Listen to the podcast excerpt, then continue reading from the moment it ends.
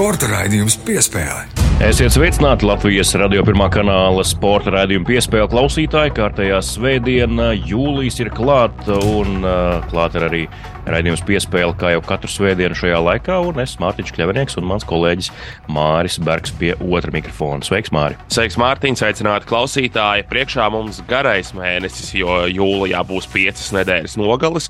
Katrā ziņā arī šajā raidījumā ļoti interesants temats un ļoti, ļoti interesanta viesņa mums būs. Jā, mēnesis nedaudz vairāk ir pagājis kopš Latvijas hokeja izlases izcīnīja vēsturiskās bronzas medaļas pasaules čempionātā. Protams, ko joprojām priecājas visi un daudzina hokeja izlasi, apkalpojošo personālu. Un tāds arī ir jādara, jo tik tiešām vēsturisks panākums, bet nav tā, ka latviešu kāra kaklā tāmperē tikai bronzas godalgas. Ir viena latvieta, kura sev kaklā kāra pasaules hokeja čempionāta zeltu. Viņa bija Kanādas eh, hokeja izlases sastāvā. Tā ir neviena cita kā Zane Čača, un viņa būs šodien ciemos Latvijas radio radījumā piespēle pastāstīs, kā tad viņa tika pie pasaules hokeja čempionāta zelta medaļas un ko viņa īsti pasaules hokeja čempionāta laikā darīja Kanādas komandā. Protams, arī rubrika ielūkosimies aizkulisēs šodien, un kolēģis Reins Grunspēņķis izveidojis stāstu par eh, jau minētajām medaļām, gan par zelta, gan par sudraba, gan par bronzas. Tās ir veidotas Latvijā un kas tās ir veidojis un kā tās tappa. Par to reņģis stāsts, bet mēs šobrīd ievelkam elpu uz pavisam īsu brīdi. Esam atpakaļ un, protams, ka kā jau katru svētdienu sākam raidījumu ar nedēļas spilgtāko notikumu topu. Sporta raidījums piespēlē. Mēs sākam nedēļas topu ar Es gribētu teikt, spožāko zvaigzni pie Latvijas sporta debesīm. Kristaps Porziņš, Latvijas labākais sportists, viennozīmīgi visaugstākā līmeņa, visvairāk pelnošais un tā tālāk, un tā joprojām vispopulārākais arī pasaulē. Ieradās Bostonā šonadēļ, un vietējie žurnālisti varēja viņam uzdot jautājumus. Viņš tikās arī ar komandas personālu un arī, starp citu, ar mm, meitenēm, kuras ikdienā dzīvo Latvijā, ar ukrainietēm. Savukārt, kuras uz trim nedēļām tādā nelielā basketbola nometnē bija devušās uz Bostonu. Kristaps arī viņus satika. Bet, protams, galvenais uzdevums bija atrādīties Bostonas publikai. Un uh, Kristaps, kā vienmēr, smaidīgs, uh, atvērts un droši vien atstāja labu pirmo iespēju. Jā, droši vien, ka iespējas ir atstāts labs, un uh, viņam galu galā bija jāatrādas un tā klātienē jāiepazīstas arī ar menedžmentu, ar Bredu Stevensu, ar treneriem. Labs sniegums, un uh, nu, pēc trim, četrām dienām jau varētu gaidīt ziņas par kādu iespējams līguma pagarinājumu. Jo vismaz uh, Bostonas komandas menedžments arī šajā preses konferencē izteicās, ka labprāt jā, runāt ar Kristapu par līguma pagarinājumu. Sesdienas rītā izplatījās informācija, ka Kristaps un Bostonas Celtics tuvojas līguma pagarinājumam. Kris Hainz, NBA apskatnieks, par to ziņoja, ka abas puses tuvojas jaunam divu gadu un aptuveni 60 miljonus dolāru vērtam līgumam. Tātad 60 miljoni ir kopējā summa, nu tad plus mīnus 30 miljoni vidēji sezonā. Oficiāli līgumu gan var noslēgt tikai 6. jūlijā. Tātad oficiāli pabeigt darījumu, likt parakstus.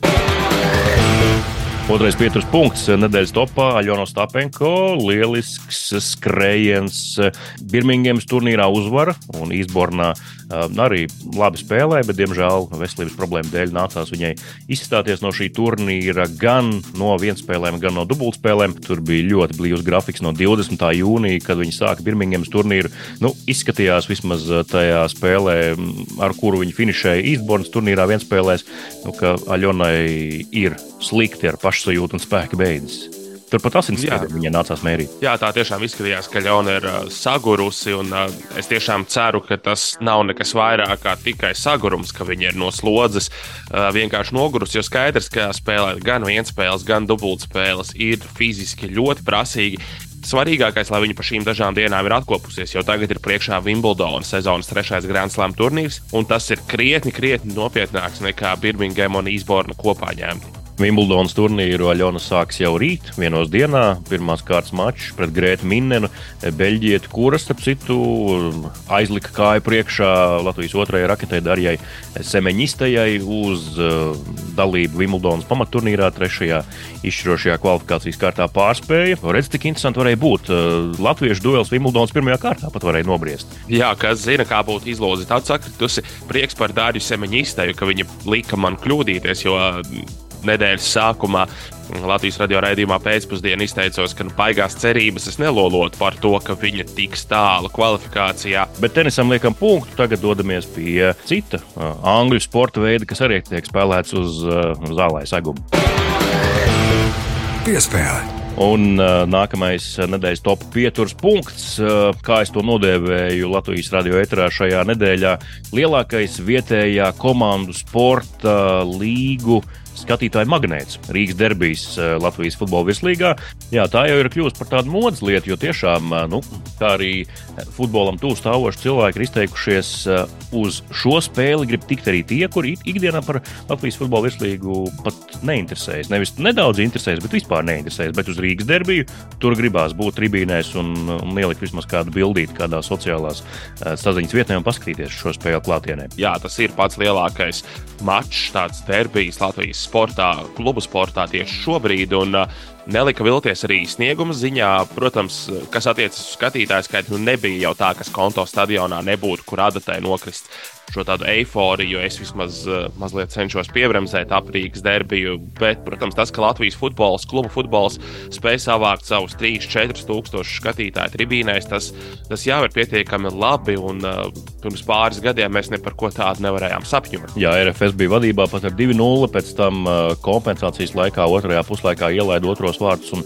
beigās 2-2 neizšķirts, kas arī ir vispopulārākais rezultāts Rīgas derbijā. Nu, skaidrs, ka šīs divas komandas, nu, kā es izteicās, eh, kolēģis Edmunds Novickis no Mēdījas sporta cenas.com ir eh, Latvijas futbola virslīga, un tad ir drusku cita līga, kurā spēlē Riga un RFS. Jā, nu būtībā šīs divas komandas arī skaidrs, ka sadalīs Latvijas čempionu titulu šajā sezonā, ja nenotiks kādi tiešām lieli brīnumi sezonas atlikušajā daļā.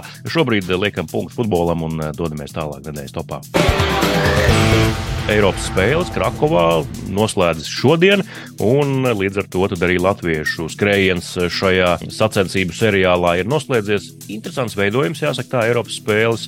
Pirmkārt, jau ar vieglatlētikas iekļaušanos tajā, ka tur ir uh, paralēli Eiropas komandu čempionāts vieglatlētikā, kas ir arī Eiropas spēles. Visas šīs Eiropas komandu čempionāta līgas joprojām tiek saglabātas, nevis sacenšas vienkārši visai Eiropas spēlēs, kā Eiropas spēļu dalībnieki. Uh, Līna Mūza izcīna medaļu šķēpašanā zelta medaļu neklātienē, kad startē jau vairs ne viņas pārstāvētās līgas sportistes. Viņa jau sen ir mājās, nosunējusi Līgo un Jāņus, un tad tiek informēts, ka viņi iegūst šo medaļu. Prieks, ka mūsu raidījuma varonis Edvards Gruzītis, sporta kāpējs, iegūst sudraba medaļu.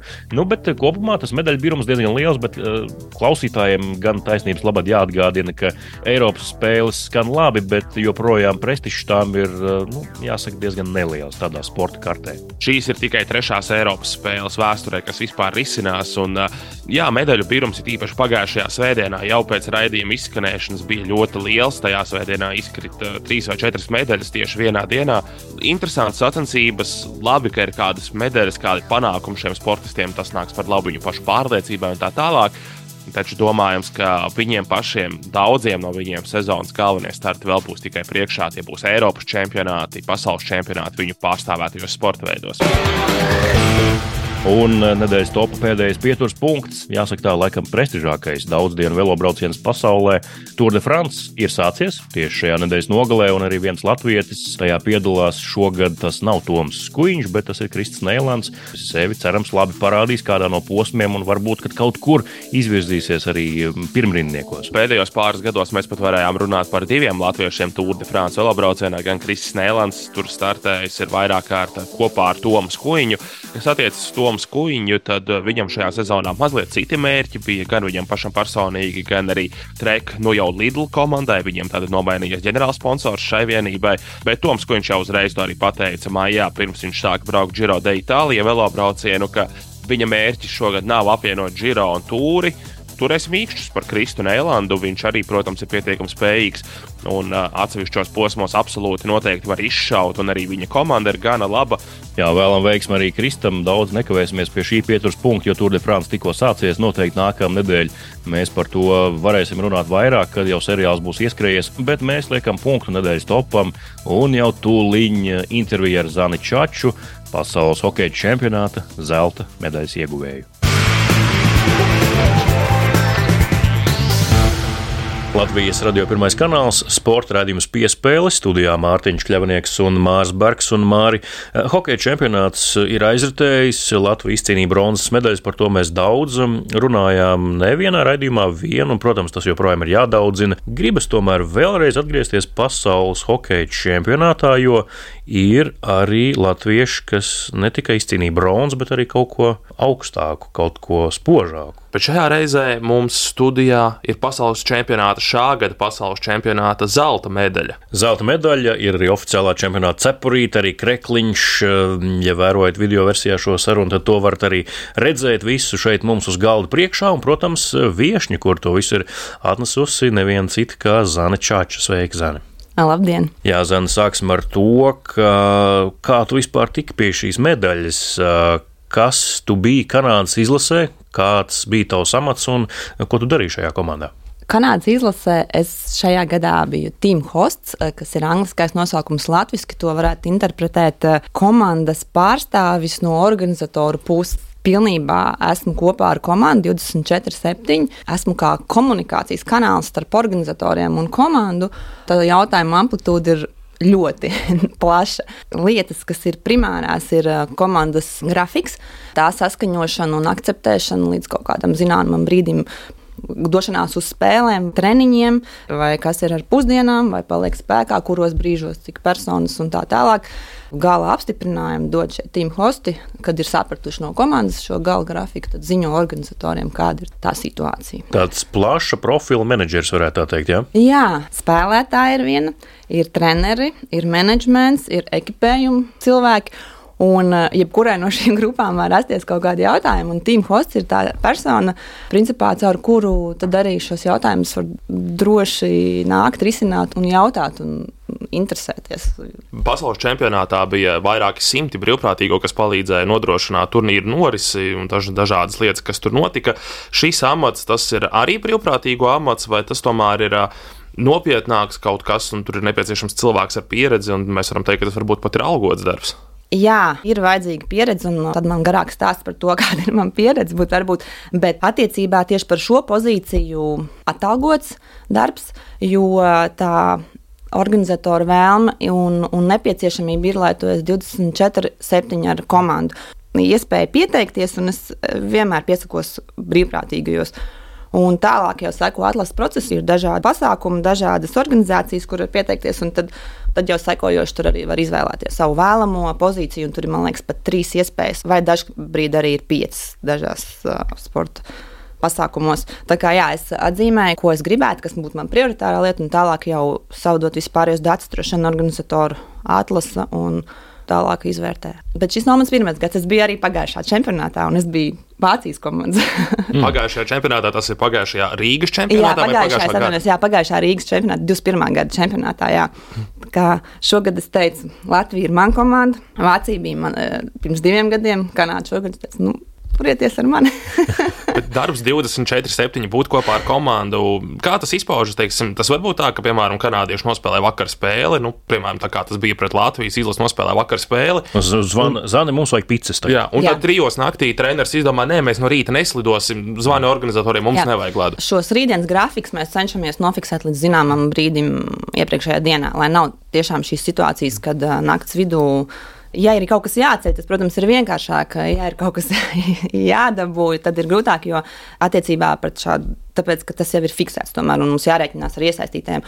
Un ko es gribētu teikt, ka komandas vismaz Es domāju, ka visas komandas diezgan respektēja šos termiņus un gala grafikus akceptēt laicīgi, un, un tur nebija ar to. Jo... Jā, tad, kā jau minēju, tad strādā ar Kanādas izlasi, un iepriekš es strādāju ar Vāciju. Nu, lai arī kanādiešiem šeit, protams, nebija viņu hokeja spožākās zvaigznes, tie tik un tā ir NHL spēlētāji, un kanādieši, kā zināms, ar hokeju nejoko. Tur viss ir nopietni, tik līdz viņi ierodas arēnā. Vāciešiem arī ir sava reputācija kā ļoti punktuāliem, pedantiskiem cilvēkiem. Varbūt var salīdzināt šīs divas valstis, šīs komandas un pieeju darbam, kā darbojas darbojās vācieši, kas atšķirās Kanādas izlasē, vai šīs valstis tomēr un hokeja nācijas dara daudz maz līdzīgas lietas. Protams, abas komandas ir absolūti profesionāls, profesionāli pie darbam. Salīdzināt es varētu, bet salīdzinājums iespējams nebūs ļoti korekts, jo pagājušā reize ar Vāciju tas bija burbulis.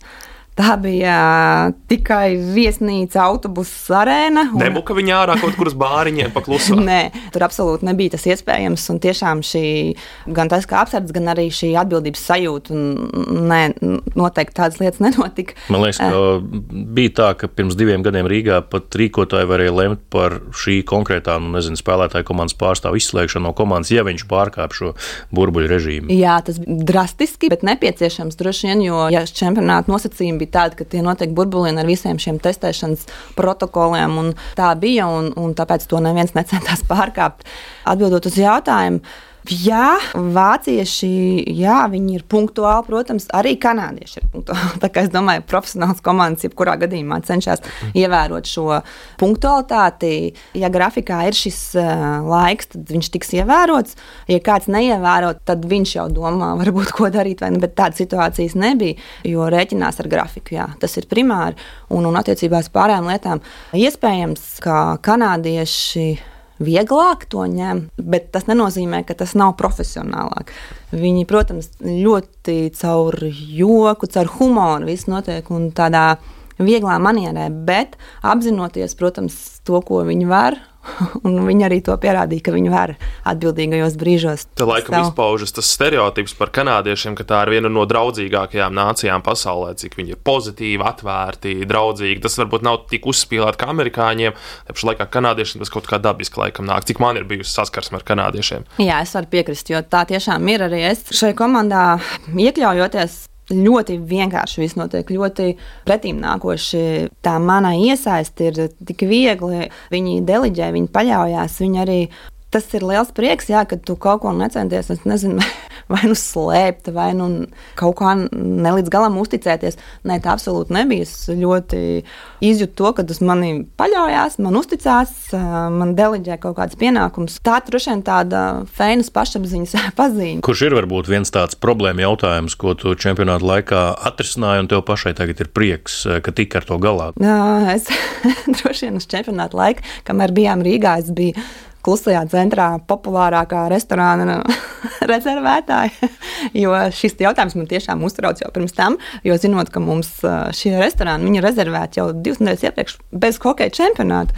Un tad es iepriekš jau aizgāju un centos pateikt dažās vietās, ka, nu, kad, jā, mēs tepat dzīvojam, un noteikti, ka mēs nāksim un vajadzēs, varbūt, ja ir iespēja, tad, ko es gribu teikt, ļoti pretimnākoši arī pilsētā nu, šajā gadījumā apkārtējās šīs vietas, kur mēs bijām, klusais centrs, mums sanāca blakus viesnīcai, ļoti labs priekšstats uh, arī komandai ir. Jo ir ļoti patīkami, ka tu aizbrauc uz Tampere un tu dzirdi, ka, piemēram, Milāns Lučičs satiekot uh, Amerikas komandu, saka, cik superīgi ir Rīgā. Kā jūs zināt, kā tur restorāna, kāda pilsēta visiem tik ārkārtīgi patika, jo arī šī ģimenes programma, ko Hokeja Kanada veids, un viņiem šāda ir, lai motivētu droši vien arī spēlētājs vairāk. Viņiem ģimenes brauc līdzi. Jā viņiem kādā brīdī arī ģimenes brauc, un viņi visi kopā, un viņi visi bija tiešām ļoti patīkami pārsteigti par Rīgu, ļoti priecīgi un ļoti, ļoti viņiem patika. Tas ir ļoti patīkami, kad tu dzirdi, ka šie Ziemeļamerikas komandas savstarpā saka, oh, Rīgā bija tik forši. Cik liela beig beigās sanāk tā kanādiešu delegācija, jo mēs tiešām zinām, viņiem ir ģimenes, un tas viņiem ir tāds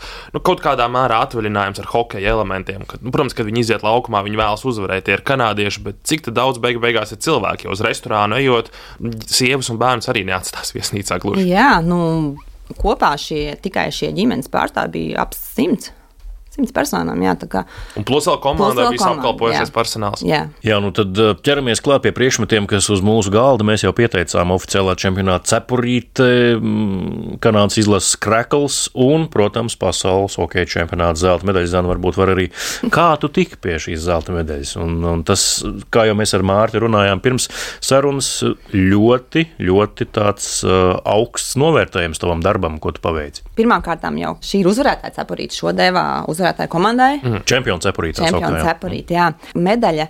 Un arī tas, kad kanādieši man aicināja uz ledus, viņi saka, hei, zīme, viņi man sauc par zīju, izrunāt zane, tomēr nesanāca. un viņi saka, nāc uz ledus, tajā brīdī, kad esam uz ledus.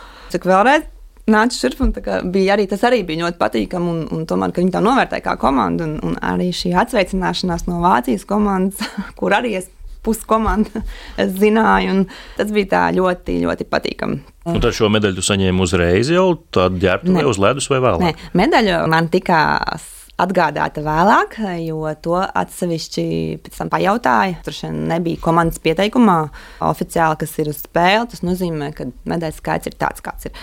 Pēc protokola, un, eh, bet sekojoši atgriežoties jau Kanādā, un komanda teica, ka man būs pārsteigums. Tad nejauši sazinoties ar ā, Somijas pārstāvi, noskaidrojās, ka viņi tieši dodas uz Latviju, un viņi man šo medaļu pasniedz tieši no Somijas organizatora puses. Tas bija tāds vēl patīkamāk. Trešais priekšmets, kas mums šeit ir uz galda, ir Kanādas Trešais. izlases krāklis. Varbūt arī Jā. to var parādīt. Izskatās, ka tur arī ir spēlētāja autogrāfs. Trešais ir tā, tā kā esmu čača, tā tad šis ir mans uzvārds. E, Jā, e, šo e, 23 ir jau 23. gada čempionāts. Mm -hmm. un, un, un jā, ar visiem e, parakstiem, e, principā šāda veida krēklus viņi deva visiem palīgiem stafam. Uz, apkalpojošam personāls, jā. personālam, jā, un, un palīgiem. Bet tur arī redz, darbs ieguldīts labi, parakstu savākt. Tas tomēr ir, nu, labi, tas nav tik grūti katram apiet un lai Uzvārdu uzdrukāt Bet tomēr, jā, tas, ka uzvārds ir. Jā, protams, ka tas ir nianses, bet tās ir patīkami. Jā. Un, kā jau sportā zinām, tās nianses izšķir diezgan daudz beigās. Jā. Ko tev nozīmē šis zelts? Kas tev tas ir? Tā ir tāda gandarījuma sajūta par to paveikto darbu. Jo tiešām iesaistoties, es aicinu visus īstenībā, ja jums uh, ir kaut kāda kaislība, sporta vai ko tādu. Piesakieties paši, pameklējiet pasākumus vai pameklējiet lietas, kas jūs varētu interesēt. Un, nu, nekad nevar zināt, kur tas aizvedīs. Es nekad nebūtu domājis, ka uh, man būs šī zelta medaļa un ka es būšu Kanādas izlases pārstāvis no organizatora puses. Tas ir ļoti, ļoti, ļoti patīkami. Bet, uh, labi, tev ir čempions cepurīte, tev ir šīs krēkls ar visiem autogrāfiem, zelta medaļa gal galā. Vai tevi var tāds tehnisks jautājums dēvēt par pasaules čempionu hokeja? Un Droši vien, ka var, ja es varu parādīt medaļu. Viss vajadzīgais ir, lai apliecinātu. Varētu, jā. Tiešām centos palīdzēt. Mēs ar Raiti tikām uz priekšu, ja kādos eh, šajos jautājumos, tā kā jau iepriekš jautājāt, nav tādu lielu, ir šīs ikdienas nianses un, un lietiņas, kas ir jāatrisina. Bet, ja tu viņus atrisini, tu aizej jau tādā rutīnā, menedžēšanas rutīnā, var teikt, tā, tādā, tā kā, jā, es savā ziņā jūtos pelnījis. Bet uh, par šo duālo dabu vai sajūtu es gribēju te vaicāt. Tev arī tavā Instagram kontā ir fotografijas un arī video no tā, kā tu priecājies par Latvijas izlases izcīnīto bronzu. Tur uz Tamperes ledus, un pēc tam dažas stundas vēlāk tu, tu kopā ar Kanādas izlasi iegūst zeltu. Kā tev bija viss šī turnīra gaitā, tomēr nu, ar sirds pieņem būt par Latviju, jo Jā. tu esi Latvija, bet tomēr uh, būt kanādiešu komandā. Un turklāt divreiz Kanāda spēlēja pret Latviju, gan Jā. Rīgā, gan Tamperē. Kā tev tās spēles pagāja? Ir tīpaši vēl pusfinālā Latvija pēc diviem periodiem bija vadībā. Mēs ar Mārtiņu arī paši sē- sēžot mēdīju tribīnēs. Mārtiņam teica, šīs būs nākamās 20 nervozākās minūtes manā dzīvē. Tas bija traki. Jāsaka, kā ir sevišķi Somijas spēle. Jo, protams, ka tu esi lojāls komandai, kurā tu strādā, bet uh, sirds ir, La- ir Latvijas komanda. Sirdī nepavēlēs, Es sirdī nepavēlēs. Es centos būt uh, konkrētajā spēlē ļoti netik emocionāli. tā, Un, un, un skatīties no tāda sportiskā viedokļa. Un, un tāpēc ir ļoti, ļoti liels prieks par Latvijas izcīnīto bronzas medaļu, ka, ka tomēr ir medaļa Latvijai. Kanādieši nepavilka uz zobu ar tādu jociņu, humoriņu, mazliet ka piedod, ka mēs stāvējām tavu valsti uzvarējām pusfinālā. Ne, viņi nevis piedod, viņi man visas tās iepriekšējo dienu jautāja, es dzīvoju, par ko tu, kam tu jūties līdzi? Un, kā, un tad viņi paši tur savā starpā analizēja, vai neanalizēja, bet uh, diskutēja, uh, kā būtu. Nē, nu, viņi, viņi, protams, pa Latviju, šādi, bet nē, bet viņi taču ir ar mums. kā, bet viņi tiešām caur tādu humoru un tādu Viņi nepakautrējās gan katru reizi, kad satiek, e, nu, par ko, par ko tu, kam tu līdzjutīsi. Finālā jau arī tādas duālās kaut kādas sajūtas, mm. iepriekš strādājot ar Vāciju, tagad ar Kanādu, un šīs divas valstis tagad tieks finālā. Jā, nu, bet tur tomēr bija vienkāršāk. Tā ir, tā ir Kanāda, jo es ar viņiem strādāju un iestrādāju šo komandu, es viņiem lojāli. Bet, protams, ka jā, viss arī atsveicinoties, esot uz šī ledus, Vācijas komanda, oh, nu, mēs apsveicam, apsveicam. Tad jau mani Kanādas vismaz eju. Tu taču te viss visvairāk pazīsti, taču, kas notiek. Tas tiešām caur jokiem, viss tas, tas ir ļoti. Jā, noķert arī šo humoru izjūtas, tas ir diezgan svarīgi. Šajā pozīcijā esot, ir jābūt tādam, tev ir jānoķer tas komandas noskaņa, kāda ir viņa komunikācija, un tas ir principā pats galvenais, un tad ar šo jāstrādā. Tālūk, sarunā ar Zani Čāču, tātad um, pasaules čempioni Kanādas hokeja izlases sastāvā. Viņa palīdzēja komandai ar dažādiem ikdienas darbiem. Visu čempionātu gaitu bija komandas sastāvā. Zani, noslēgumā vēl kāda ikdienā tev ir kāda saikne ar hokeju ārpus šī pasaules čempionāta vai tikai kā līdzutējai? Ārpus šobrīd man nav, bet, kā es saku, es esmu profesionāli līdzutēju. es esmu bijusi tiešām uz 11 pasaules čempionātiem.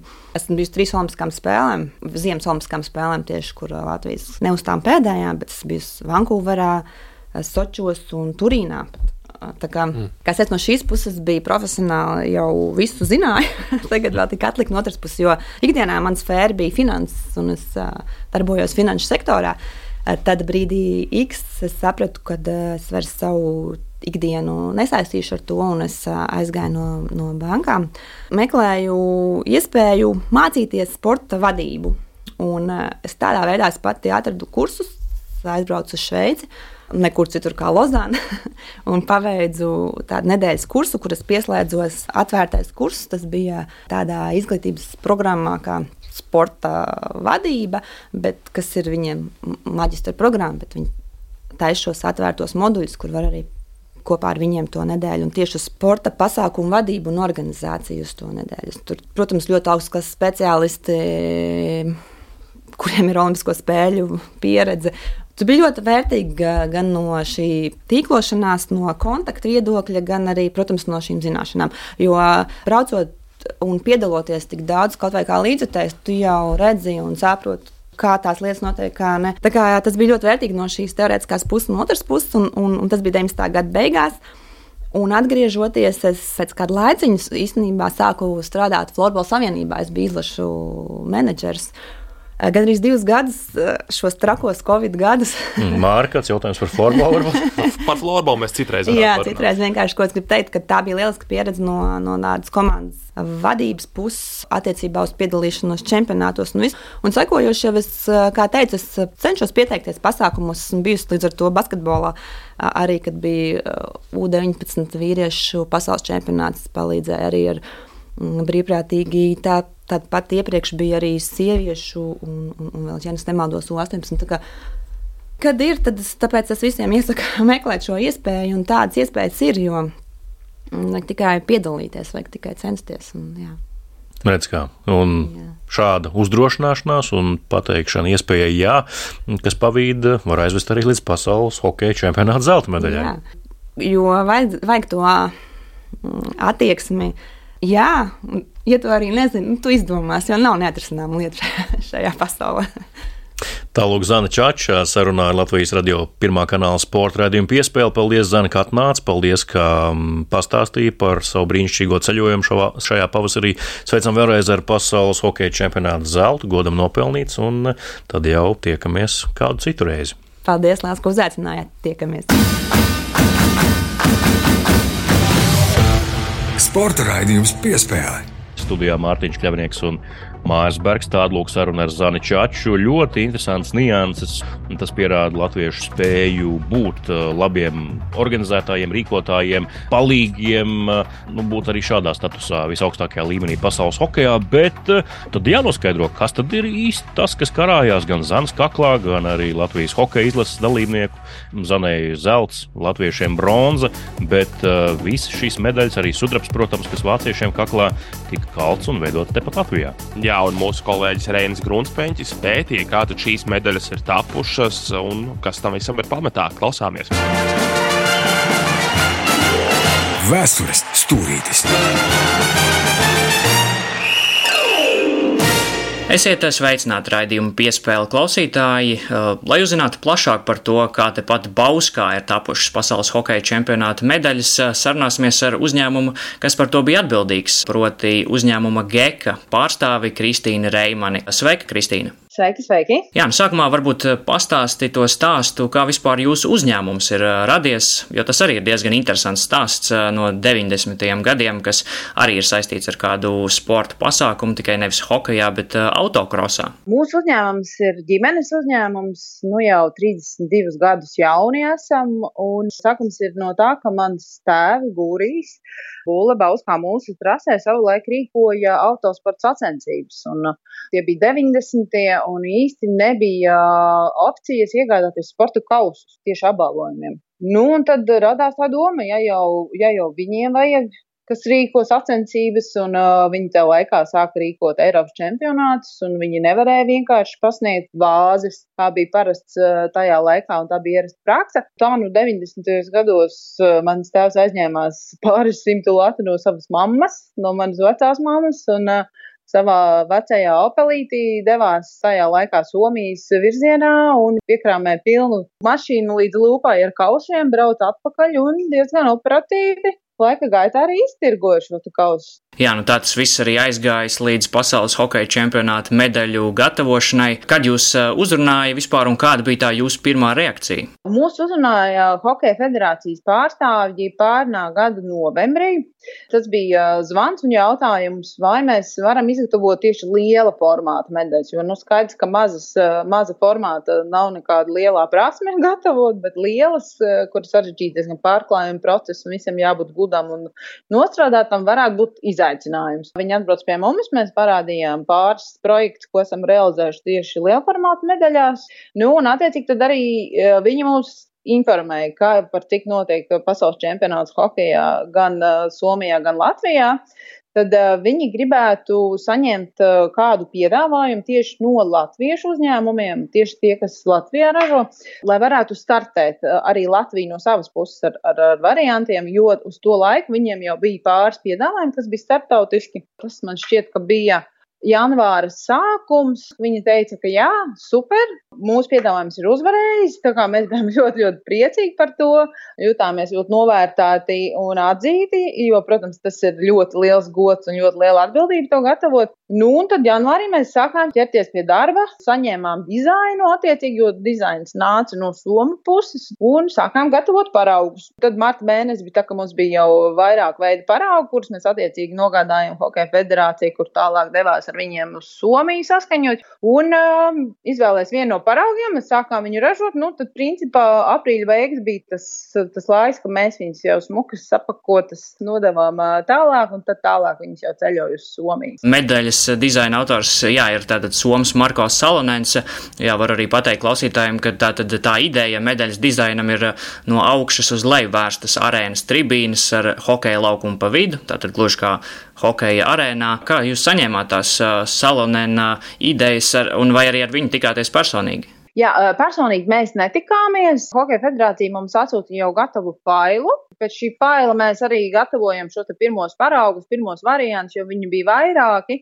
Un, uh, un tad viņi tālāk izvērtē, kurš viņiem tā kā labāk patīk. No sākuma viņi bija gribējuši spīdīgas, jo visu šo gadus vairāk vai mazāk bija šīs spīdīgās medaļas, bet nu, mēs pēc paraugiem arī parādījām un pierādījām to, ka nu, tas matējums uh, labāk izstāstos tieši šī dizaina, kad šī arēna, kas iegriežās, met ēnojumu un pulējumu vietās, nu, viņš izskatās efektīvāks un labāk nolasās tieši tā dizaina ideja. Nu, tad lūk, šī mūsu dizaina ideja, ko mēs par šo tumšu un šo matējumu viņiem piedāvājām, arī uzvarēju. Mēs bijām ļoti priecīgi, jo viņi tiešām daudz labāk izskatījās nekā spīdīga. Medaļu lentītes, tas arī bija jūsu roku darbs, tām arī bija jau iedots dizains. Nē, medaļu lentītēm bija tāds uzstādījums no Hokeja federācijas, ka viņām ir jāsavijās ar divu nacionālo karogu krāsām, proti Somu karogs un Latviešu karogs. Mums tika dots uzdevums mūsu dizainers Kārlis Sinka, kas arī ir uh, bašķinieks, ietavnieks, izstrādāja vairākus variantus. Attiecīgi viņi apstiprināja to, kas abām pusēm labāk patika. Tā rezultātā tapa šīs lentes, kuras tad mēs savērām, sašuvām, jā, devām ar visām medaļām atpakaļ. Tas ir mūsu kā, ieguldījums šajā medaļu pasākumā tieši dizaina lietās. Jā, ja vēl par pašām medaļām, nu, nekādi īstie dārgmetāli, kā daudziem varbūt varētu šķist tajās iekšā nav. Tās ir īpaši apstrādātas. Varbūt pastāst, kāds ir tas apstrādes process, lai panāktu šādu zelta vai sudraba vai bronzas krāsojumu, un kāds vispār ir tas medaļu izgatavošanas process. Medaļām pa pamatu tiek izmantots metāla sakausējums, tur ir dažādi metāla sakausējumi, un to krāsu viņas iegūst pēc apstrādes. Vai nu tas ir misiņā pārstrāde, apstrāde, vai nu tas ir niķelis, vai nu tas ir varš. Nu, šajā gadījumā zelta, sudrabs vai bronza tad viņas tiek uh, izlietas, izkaltas, uh, tiek veikta šī pēcapstrāde, ka tiek piešķirta šīm medaļām krāsa. Nu, tad, attiecīgi, no tā pulējuma, vai tas ir antīks, kas ir šo medaļu gadījumā, vai nu parastais, tad, teiksim, antīka gadījumā viņas vēl tiek pulētas pēc tam, lai viņām veidojas šī ēnojums tajās medaļās pašās kā tādās. Tā, tas ir diezgan liels darbietilpīgs roku darbs, lai panāktu to efektu, kā nu, tieši tā izskatās, kā viņš šobrīd izskatās. Iesākumā tiek veidota klišeja, no šīs klišejas attiecīgi tad tiek veidotas šīs pašas medaļas. Klišeja viņiem ir viena, jo virsraksts eh, nosaukums pa vidu nemainās, mainās tikai šīs krāsas.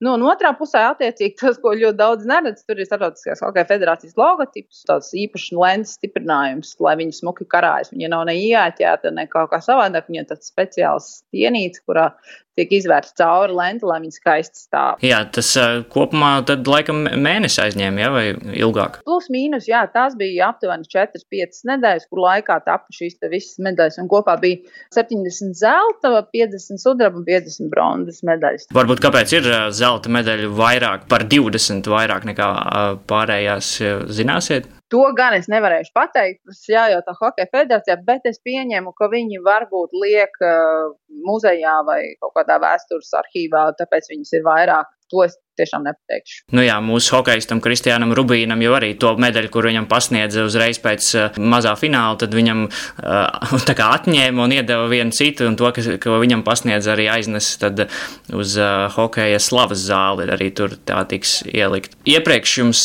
bija nācies gatavot kādam varbūt līdzīgi svarīgam notikumam kaut ko, ja šis pasaules čempionāts bijis tāds jūsu kompānijai līdz šim svarīgākais pasūtījums? Nu, šis ir bijis noteikti vislielākais, viss tāds nozīmīgākais, kas kas mums ir bijis. Mums ir ļoti daudz nacionāla mēroga medaļas, kuras mēs ražojam florbolam, hokejam, basketbolam, futbolam un tādām, bet tieši starptautiskajiem īsti mums nav bijis. Tā kā mēs ļoti jutāmies pagodināti, tiešām novērtēti, kad Hokeja federācija nāca pie mums un izteica tādu piedāvājumu, ka mēs šos 30 gadus strādājam un esam samērā neliels ģimenes uzņēmums ar mazāk kā 20 cilvēkiem, bet nu, ir lietas, kuras nu, mēs darām ar prieku. Šis ir viens no tiem projektiem, kas nes tādu vislielāko gandarījumu un prieku. Un nebija, nebija jautājums par ieguldījumu, par uh, centību, par atbildību. Viss, viss notika un visi saprata uh, paši, ka tas ir superīga iespēja mums to izgatavot. Un uh, tas, ka mūsu čaļi viņus atveda atpakaļ, tas mums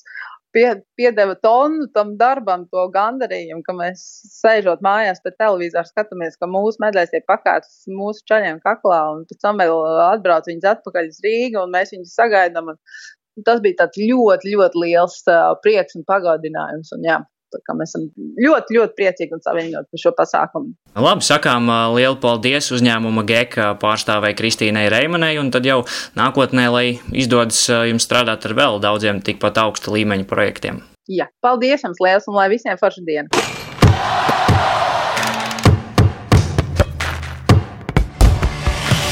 Tāds lūk raidījums šajā nedēļā. Ļoti interesants stāsts par Latvijā tapušajām pasaules hokeja čempionāta medaļām, bet mēs liekam punktu šīs nedēļas raidījumam un varam pačukstēt, ka nākamā nedēļa būs arī ārkārtīgi interesanta aizkulisku rubrika no Rēņa, jo nu, varam teikt, ka nākamajā raidījumā mēs būsim uz ūdens. Katrā ziņā būs tiešām ļoti, ļoti interesants temats, temats, par ko mēs neesam līdz šim piespēlē runājuši vispār šajā jaunajā formātā, un ka arī iepriekšējā kādu laiku šis sporta veids nav bijis apspriests. Paldies, ka klausījāties eh, šajā svētdienā un tiekamies jau nākamā svētdienā. Neaizmirstiet, ka raidījuma piespēle varat klausīties sevērtā laikā, jebkurā lietotnē, kur dzīvo raidierakstiem podkāsti. Tiekamies jau nākamā svētdienā. Visu labu, paldies! Uz tikšanos! Sporta raidījums piespēle!